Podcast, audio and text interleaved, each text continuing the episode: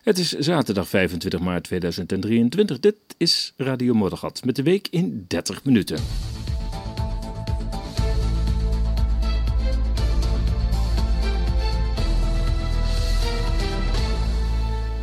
Ja, lentekriebels. De lente is er weer, maar er is een twitterstorm opgestoken over lentekriebels. Uh, kritiek, afschuw.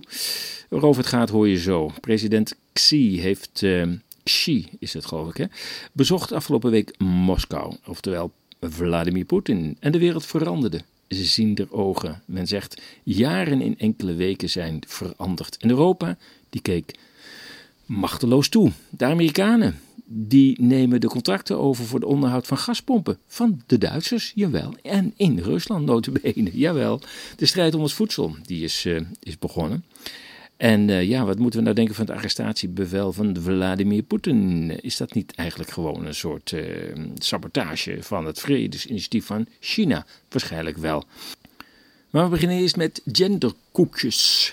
Jawel, genderkoekjes omdat uw kind niet hoeft te zijn wat u denkt. Afgelopen week organiseerde de Rutgers Stichting de Week van de Lentekriebels. Dit is een nationale projectweek voor speciaal en basisonderwijs, waarin op alle dagen lessen seksuele vorming, dus geen voorlichting, maar vorming, wordt aangeboden op de scholen die hieraan deelnemen. Het lijkt een nieuw dieptepunt waarbij zeer jonge kinderen zich begeleid moeten of mogen afvragen of hun geslacht wel overeenkomstig is met hun gevoel. Linde Kriebels, ja, zo heet dat uh, lesmateriaal dat uh, afgelopen week aan jonge kinderen op basisscholen is voorgelegd. De speciale week van Lente Kriebels is een initiatief van de Rutgers Stichting. En of schoonscholen niet verplicht zijn er deze week mee te doen, zijn ze wel verplicht om vanaf groep uh, eh, 1, dat is 4 en 5 jaar, invulling te geven aan seksuele vorming van kinderen. Het heet dus tegenwoordig geen seksuele voorlichting meer, maar vorming. Onderdeel van het lesmateriaal is een video. En in deze video wordt de mens uitgelegd als bestaande uit diverse ingrediënten. Zoals ook een koekje. Een genderkoekje ook kan bestaan uit verschillende ingrediënten. Nou ja, via het hart, zo wordt uitgelegd in de video, de hersenen en iets tussen de benen, wordt de genderkeuze ingeleid. Dat is de opmaat tot uh, het, de moraal van het verhaal. Namelijk, gender is niet iets dat wit of zwart is, het is een soort schaal. Het kan volgens het presentatieduo ergens ertussenin liggen. En ja, dat is maar net waar jij het wil. Ja, voor de oudere lezer die zijn basisschooltijd uh, uh, deze instructie heeft gemist, is het goed om eens even naar die video te kijken. Dan krijg je het allemaal uitgelegd. Hij staat uiteraard op de website in de artikelen van de afgelopen week. Ja, de presentator zelf is, uh, zegt zelf, um, ik citeer, als je echt inclusief wil zijn, dan, uh, dan mist er nog één onderdeel, asexualiteit. Hij zegt van zichzelf, ik zeg hij, dat is natuurlijk fout, want hij zegt ik ben geen man en ik ben geen vrouw. Dus dan wordt het taalkundig nogal moeilijk. En ja, ik, uh, ik ben nog niet zo ver dat ik met hun en hen ga praten. Uh, dat roept weer andere verwarring op. Goed, het gaat wat hem betreft om verliefd zijn zonder behoefte te hebben aan seks. Of andersom, wel behoefte aan seks, maar zonder verliefd te zijn op die persoon. En met deze voor ja, toch tamelijk jonge kinderen uitzonderlijke verwarrende nieuwe realiteit ontstaat volgens hun een genderful world. Nou, uh, het is uh, op Twitter helemaal los uh, gegaan. En natuurlijk voor- en tegenstanders, zoals het gaat in de Twitter-timeline. En ook de Rutger Stichting heeft zich gemeld. Die had nog een video online gezet, een andere video dan die in mijn artikel staat. En daar zie je ouders praten. Dat kunnen, kan een moeder zijn, een vader zijn of twee vaders, kan ook. die zie je met een kind praten en dat gaat natuurlijk steeds verder in de seksualiteit. En ja, daar is zoveel ophef over ontstaan dat men de video offline heeft genomen. Natuurlijk is hij al honderdduizend keer gedownload en komt hij toch wel weer terug en is, is hij nog steeds te vinden. Maar zij wilden eigenlijk die video toch niet meer tonen. Ze zagen toch ook wel dat er ontzettend veel commotie is ontstaan. Ja, het doel van de Week voor de Lentekriebels volgens de website is om scholen kennis te laten maken met de relationele en seksuele vorming het is volgens de website een leuke manier om schoolbreed aandacht te geven aan relaties en seksualiteit. Tijdens deze week zul je merken hoe enthousiast leerlingen op de lessen reageren en hoe zinvol het is om hier les over te geven. Daarnaast is sinds 2012 het thema seksualiteit opgenomen in de kerndoelen van het onderwijs. Basisscholen zijn daardoor ook verplicht aandacht te besteden aan het onderwerp. Ja, ik heb in de Twitter-timeline, uh, waar ik uh, sinds enige tijd ook weer actief ben, uh, toch aangegeven dat dit wel een beetje naar een soort DDR-achtige situatie gaat, waarin zeg maar de DDR-regering zich ook tot taak had gesteld om de kinderen, de jongeren, te vormen naar socialistisch model. Um, met andere woorden, de ouders waren min of meer als het ging om hele belangrijke elementen van de opvoeding, waren uitgeschakeld. Dat dreigt hier dus ook uh, te gebeuren. Ja, uh, als, ik, als ik dat zo zie, ik, heb ook nog, uh, die foto staat erin, ik noem die foto schokkend, althans hij kan schokkend overkomen. Dat ook de NTR, dat is de, zeg maar de oude schooltelevisie, um, ja, ook nog een duit in het zakje doet. Het staat los van deze week, maar ja, ineens ontdekte ik wat er allemaal op televisie voor kinderen nog wordt gepresenteerd. En toen zag ik ineens Um, ja, uh, een aantal oude heren uh, poedelnaakt in beeld en daar zaten ze kinderen naar te kijken. En dat, dat, wat me opviel is dat de initiële schaamte van de kinderen voor het zien van geslachtdelen van volwassenen, um, ja, die heeft een functie. En die schaamte kan dus voorkomen dat kinderen door toenadering van zoekende mannen, of door toenadering zoekende mannen, al dan niet met direct vertoon, tussen aanhalingstekens, worden afgeschikt en toenadering afwijzen. Maar ja, in, in, in die televisieuitzending worden ze dus eh, nou letterlijk vertrouwd gemaakt met, een, ja, met uh, drie, vier mannen, waarvan een aantal uh, op hoge leeftijd, die poedelnaakt voor ze staat. Ja, ik vind dat het een gevaarlijke situatie kan, kan ontstaan. Ik zie ineens een lieve heersbeestje over tafel lopen. Nou ja, ik bedoel, hij bijt niet, dus of, of schoon ze zeggen dat het roofdieren zijn, dus misschien moet ik toch een beetje gaan oppassen. Nou, laat hem maar lopen en mag ook meeluisteren tenslotte. Goed, maar uh, ja, het, gevaar is vind ik dat, dat pedoseksuele toenadering daarmee een lagere drempel uh, krijgt bij de kinderen. Dat, men, dat kinderen zoiets hebben van ja, dat, dat heb ik al eens een keer gezien. En dat is natuurlijk een hele, hele slechte ontwikkeling. Maar er staat bijvoorbeeld in de begeleidende uh, brochure ook nog zoiets als bij online lessen of thuis uh, maken van opdrachten is het wel belangrijk om extra aandacht te hebben voor een veilige sfeer. En ze doen daar een tweetal suggesties uh, uh, voor. om ervoor te zorgen dat ouders, broertjes en zusjes niet mee kunnen luisteren, kun je kinderen oordopjes of een koptelefoon laten gebruiken. Um, spreek af dat niemand de les of het scherm filmt of fotografeert. Je kunt de opdracht geven de telefoon ergens op te bergen en dit te bewijzen met de camera van de laptop. Blijkelijk worden er dus dingen getoond die, uh, die men eigenlijk uh, niet aan de goede gemeente wil laten zien. En dus is het uh, ja, min of meer verboden om, om foto's te maken van het beeldscherm. Ja, het is een, uh, het, is een uh, vind ik een verkeerde ontwikkeling eerlijk gezegd. En ik, ik heb al heel wat ouders uh, online gezien die eh, dat absoluut niet willen, daar niet in mee willen gaan. En um, ja, dat afwijzen. Dus ik ben heel benieuwd hoe het uiteindelijk zal aflopen.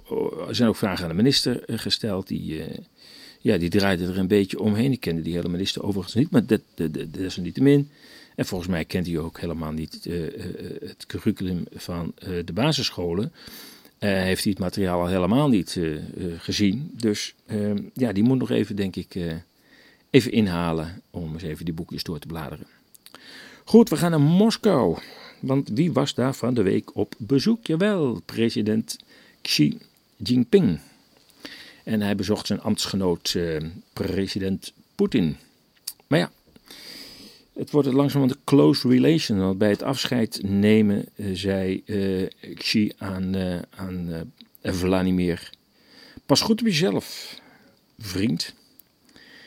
Dus ehm, ja, dat, volgens mij is er wel een dikke band ontstaan tussen die twee. Dan moet je weten dat Poetin, nou ja, bijna zijn hele ambtsperiode tot nu toe, en hij zit er al 22 jaar of 23 jaar, dat hij geprobeerd heeft om bij Europa te horen. Wat niet zo onlogisch zou zijn geweest, maar Europa had geen boodschap meer aan Rusland. Die was ja, ja, ik weet niet waarom, maar waarschijnlijk op instigatie van de Verenigde Staten, hebben wij geen echte aansluiting gekregen bij Rusland. Alhoewel, op handelsniveau natuurlijk wel. Er kwam gas vandaan, olie vandaan, nog veel meer. Grondstoffen kwamen er uit Rusland. En dat zat de Amerikanen knap hoog, dus die hebben daar een oplossing voor gevonden. Door die pijpleidingen op te blazen. Goed, ja, de westerse propaganda en wensdenken draaien op dit moment wel op volle toeren. Samen met de Verenigde Staten regeert, regeert het oude continent nog steeds de wereld. Zo is de gedachte. Ondertussen wekt de agressie van het Westen in de rest van de wereld zoveel irritatie dat er ooit onoverbrugbare verschillen terzijde worden geschoven en de nieuwe wereldwijde coalities worden gesmeed. Niet alleen China en Rusland, maar ook het Midden-Oosten vinden geopolitieke, uh, vinden voor geopolitieke aardverschuivingen plaats. Het wordt tijd dat Europa tijdig op het juiste tijdstip springt en wel op het juiste schip.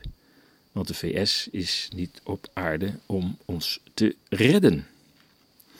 En ik denk dat we langzamerhand komen aan het einde van het tijdperk van de zogenaamde Ruled-Based Order. Daar, uh, daar hoor je de Verenigde Staten steeds over praten. Zo van ja, maar dat is toch te gek voor woorden dat China de rule-based order niet, uh, niet uh, accepteert. Maar als je gewoon even, even doorvraagt, wat is dan die rule-based order? Dat zijn de regels die de Verenigde Staten stelt aan de wereld. Ja, nou, ik kan me voorstellen dat Moskou en ook Beijing geen boodschap heeft aan de door de Amerikanen opgelegde regels. Maar goed, ondertussen is de wereld druk bezig met zichzelf te herschikken. En daarbij staan niet het droomproject Europese Unie of het land van de onbegrensde mogelijkheden in het middelpunt van de belangstelling. De huidige geopolitiek middenpuntvliedende krachten slingeren Europa en de VS steeds verder naar de rand van het politieke epicentrum.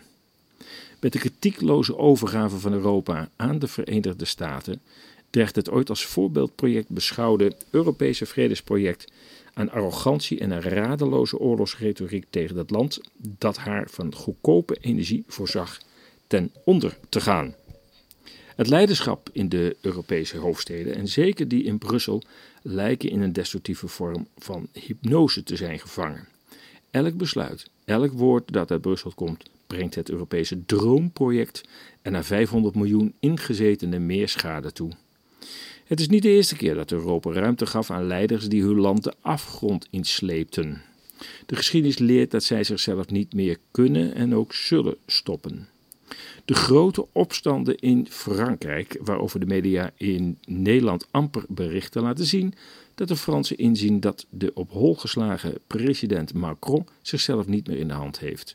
Een omstreden wet moet het mogelijk maken dat Macron het ook zonder parlement kan stellen. We leven nog steeds in het democratisch Europa, voor alle, orde, voor alle goede orde. We kennen eenzelfde zonnekoninggedrag ook in Nederland, waar een foute uitslag van een referendum ook direct het einde ervan inluidde. Ook uh, onze uh, zonnekoning gaat niets uit de weg. Vooral leugens en bedrog niet. Dus ook in Nederland dreigen nieuwe wetten het parlement op achterstand te zetten. Ja, en dan het arrestatiebevel van het internationaal strafhof in Den Haag. Um, ja, wat moet je daar nou denken? Ik denk dat het gewoon regelrechte sabotage is geweest, want het kwam vlak voor het bezoek van uh, Xi aan, uh, aan Moskou. Ik denk dat het een soort sabotage uh, was, maar aan de andere kant ook een waarschuwing naar Europese leiders die de neiging hebben om toch met Poetin te praten. Ja, nou praat je niet meer met hem, want je zit dan met een zogenaamde internationaal gezochte crimineel te praten. Dus dat durven nou de presidenten niet meer aan. Dus het is een regelrechte sabotage van elk initiatief tot vrede. Maar goed, uit een totale afwezigheid van realiteitszin besloot dus het Westen tot het via het internationaal strafhof uitvaardigen van een arrestatiebevel tegen de Russische president Poetin. Een strafhof overigens dat de VS niet erkent en zelfs met een inval dreigt als een Amerikaanse soldaat voor het hof moet verschijnen.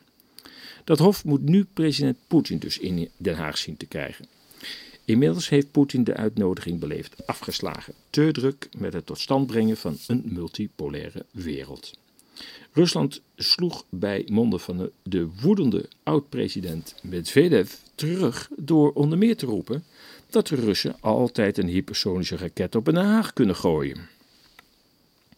Het arrestatiebevel zou verband houden met oorlogsmisdaden van het Russische leger in Oekraïne.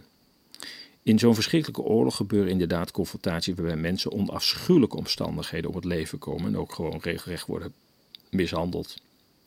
Maar het Hof zou dan ook moeten kijken naar wat de Oekraïners doen met gevangen genomen Russische soldaten. Of beter, kijk er eigenlijk maar niet naar, want je krijgt er namelijk nachtmerries van. Het is ISIS all over again. Het is goed om rekening te houden met de bijna fluisterende Chinese president Xi, die heel kalmpjes zei dat het pal naast Rusland staat. En dat het klaar is om de wereldorde te bewaken, en ik citeer nu, samen met Rusland, gebaseerd op het internationaal recht. Dat is dus wat anders dan de rule-based order van de Verenigde Staten. Tja, ondertussen kijken we naar een zelfdestructief Europees leiderschap. Dat kun je toch langzamerhand wel zeggen. Ik zit met een andere microfoon, misschien hoor je het ook eh, af en toe. Het is even een testje, want over niet al te lange tijd zit ik in Berlijn en wil ik daar ook nog een uitzending doen.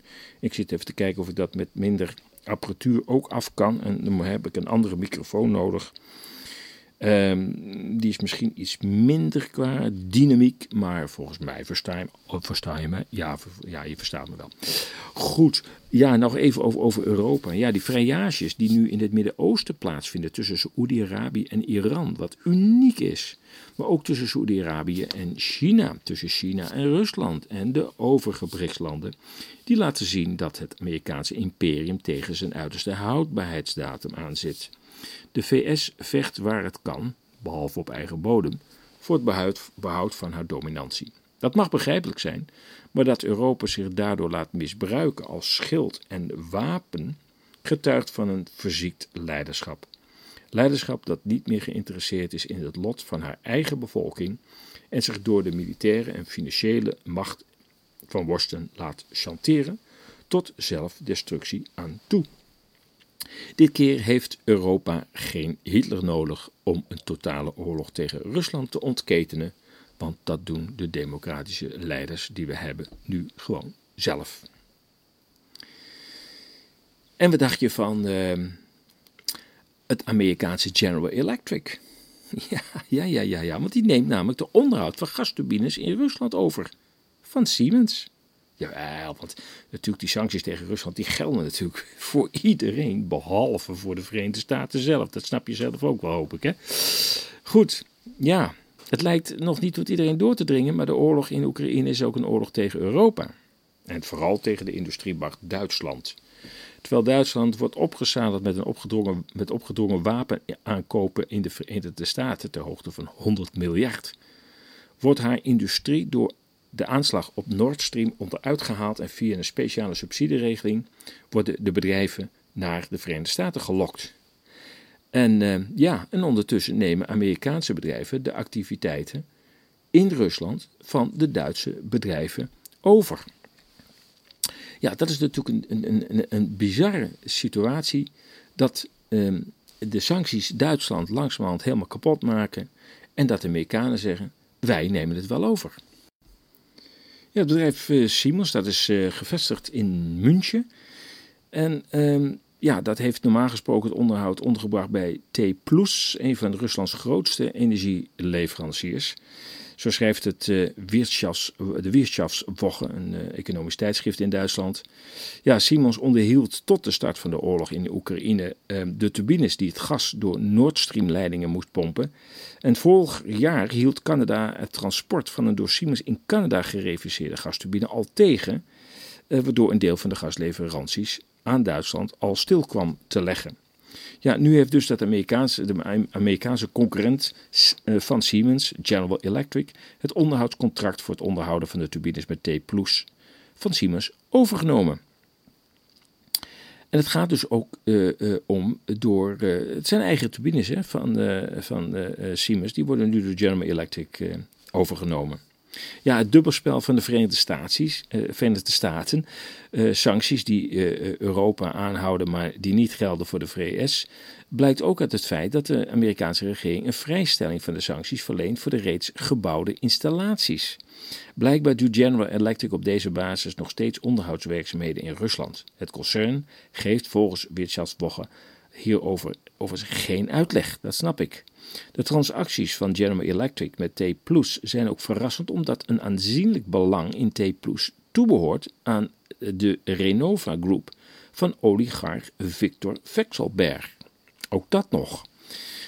Dus de Amerikanen zijn in dit geval toch ook niet zo heel erg vies om met Russische oligarchen uh, uh, zaken te doen. Weet je wel, ook allerlei sancties tegenlopen, maar niet als het over de Verenigde Staten zelf gaat. Nou ja, inmiddels begint het in Duitsland te dagen dat de sancties tegen Rusland vooral tegen Europa zijn gericht. Het vernietigen van de Nord Stream leidingen heeft de energieprijzen in Europa doen exploderen. Hetgeen de Europese en vooral de Duitse industrie zware schade berokkent. Zo vraagt, de, zo vraagt Welle zich in een recent artikel af of de Duitse industrie zich naar de Verenigde Staten aan het verplaatsen is. Nou ja, het antwoord is waarschijnlijk ja. Volgens de Duits-Amerikaanse Kamer van Koophandel investeren ongeveer 5600 Duitse ondernemingen in Amerika en de totale waarde van deze investeringen bedraagt 650 miljard dollar. En de tendens is dus stijgende. Ja, de VS stimuleert deze trend om Duitse bedrijven te lokken door de zogenaamde Inflation Reduction Act. Oftewel de reducering van de inflatie. Het heeft daar eigenlijk helemaal niks mee te maken. Het is eigenlijk een naam als een dekmantel. Want deze regeling is een miljarden subsidieprogramma van de Amerikaanse regering. En ondanks de naam richt het zich meer op klimaatbescherming. En van de ongeveer 430 miljard dollar die de IRA-pot in totaal oplevert, is 370 miljard bestemd voor de bevordering van CO2-besparende technologieën en energiezekerheid. En daarmee worden dus Duitse bedrijven gelokt. Ja, inmiddels is ook de EU begonnen met een eigen investeringsbedrijf, uh, programma voor groene bedrijven. Het lokt een nieuwe golf van overheidsinvesteringen uit, uit belastinggelden. Dat is een beetje het probleem dat we daarmee in een situatie terechtkomen dat, dat er nog meer geld in de markt wordt gepompt. Hè? Een soort, soort race tussen de Verenigde Staten om subsidies te verstrekken en de Europese Unie. En daarmee neemt de geldvoorraad nog veel verder toe dan het nu al uh, is.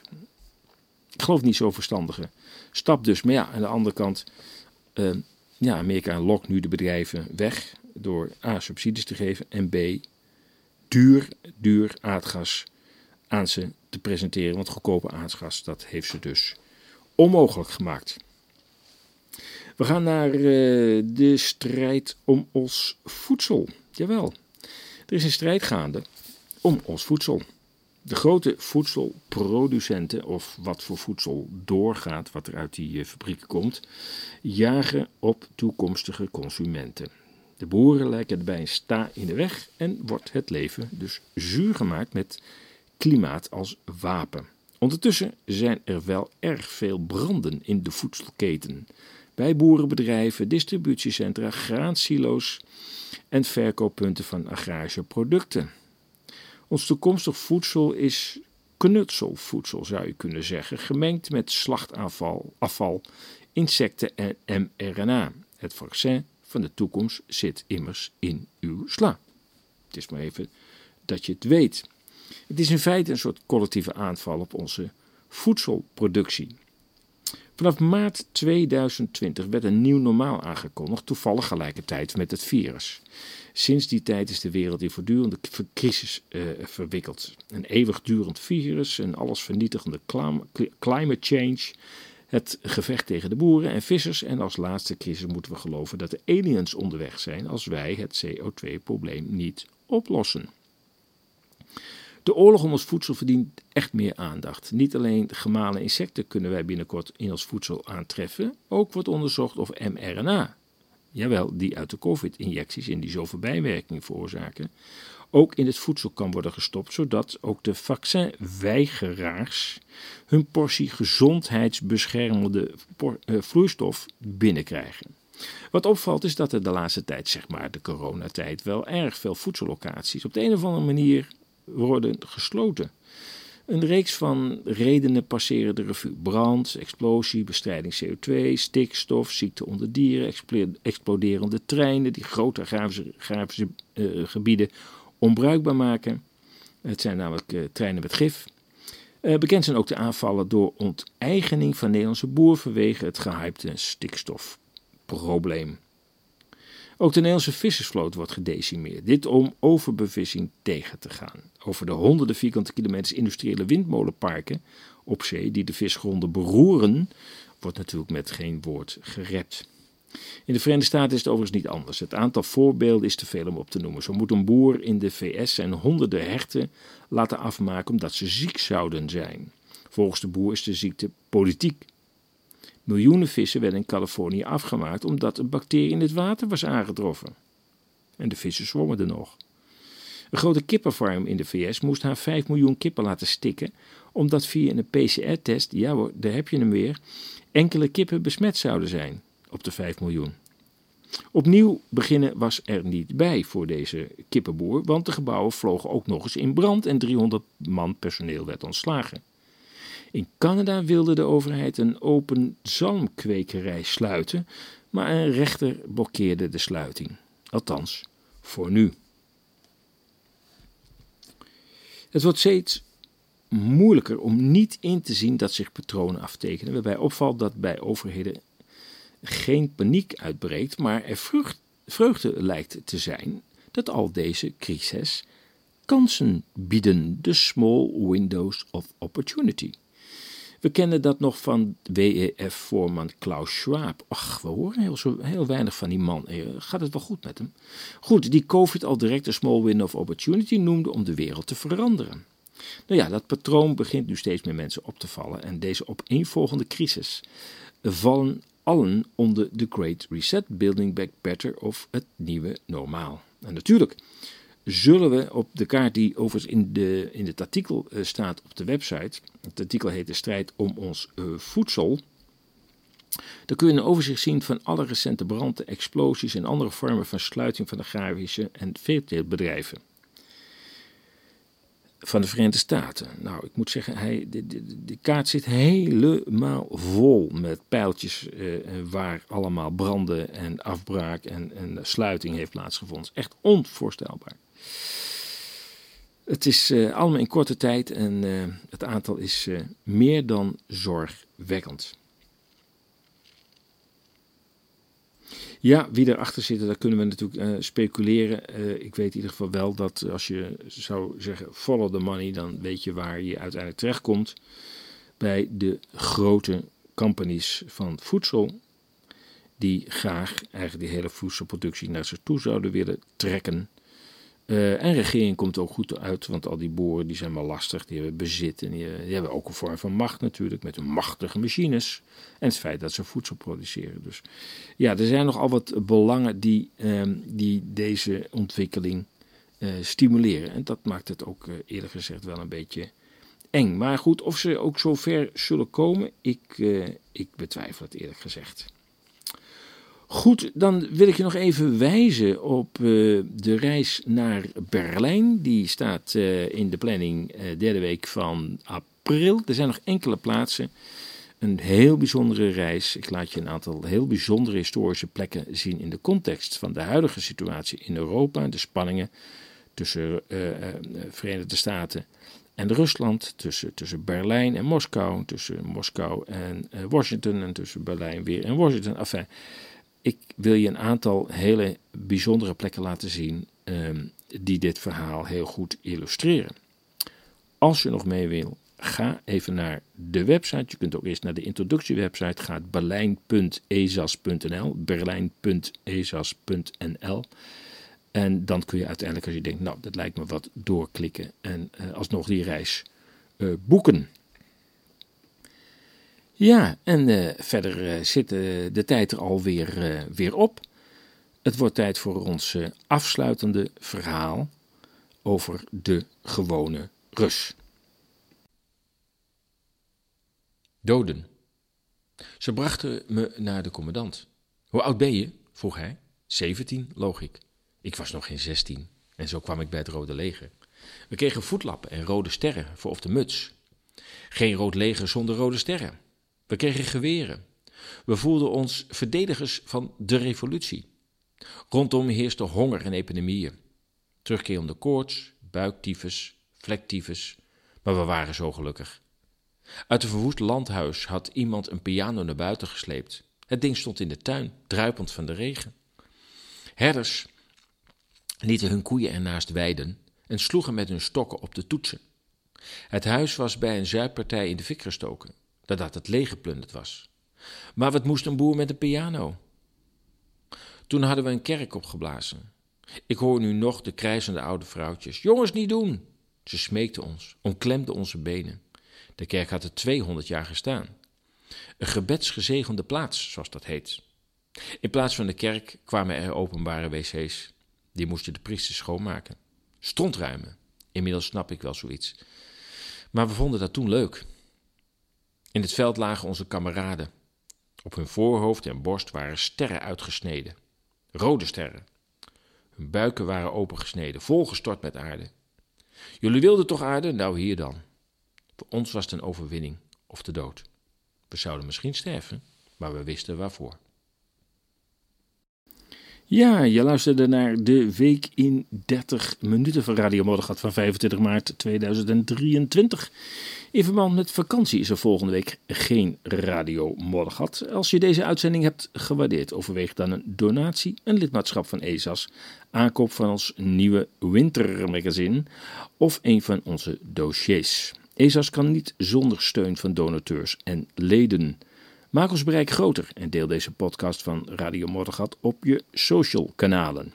Je kunt ESAS volgen via onze nieuwsbrief, een van de twee, dagelijks of wekelijks, RSS, Telegram en Twitter.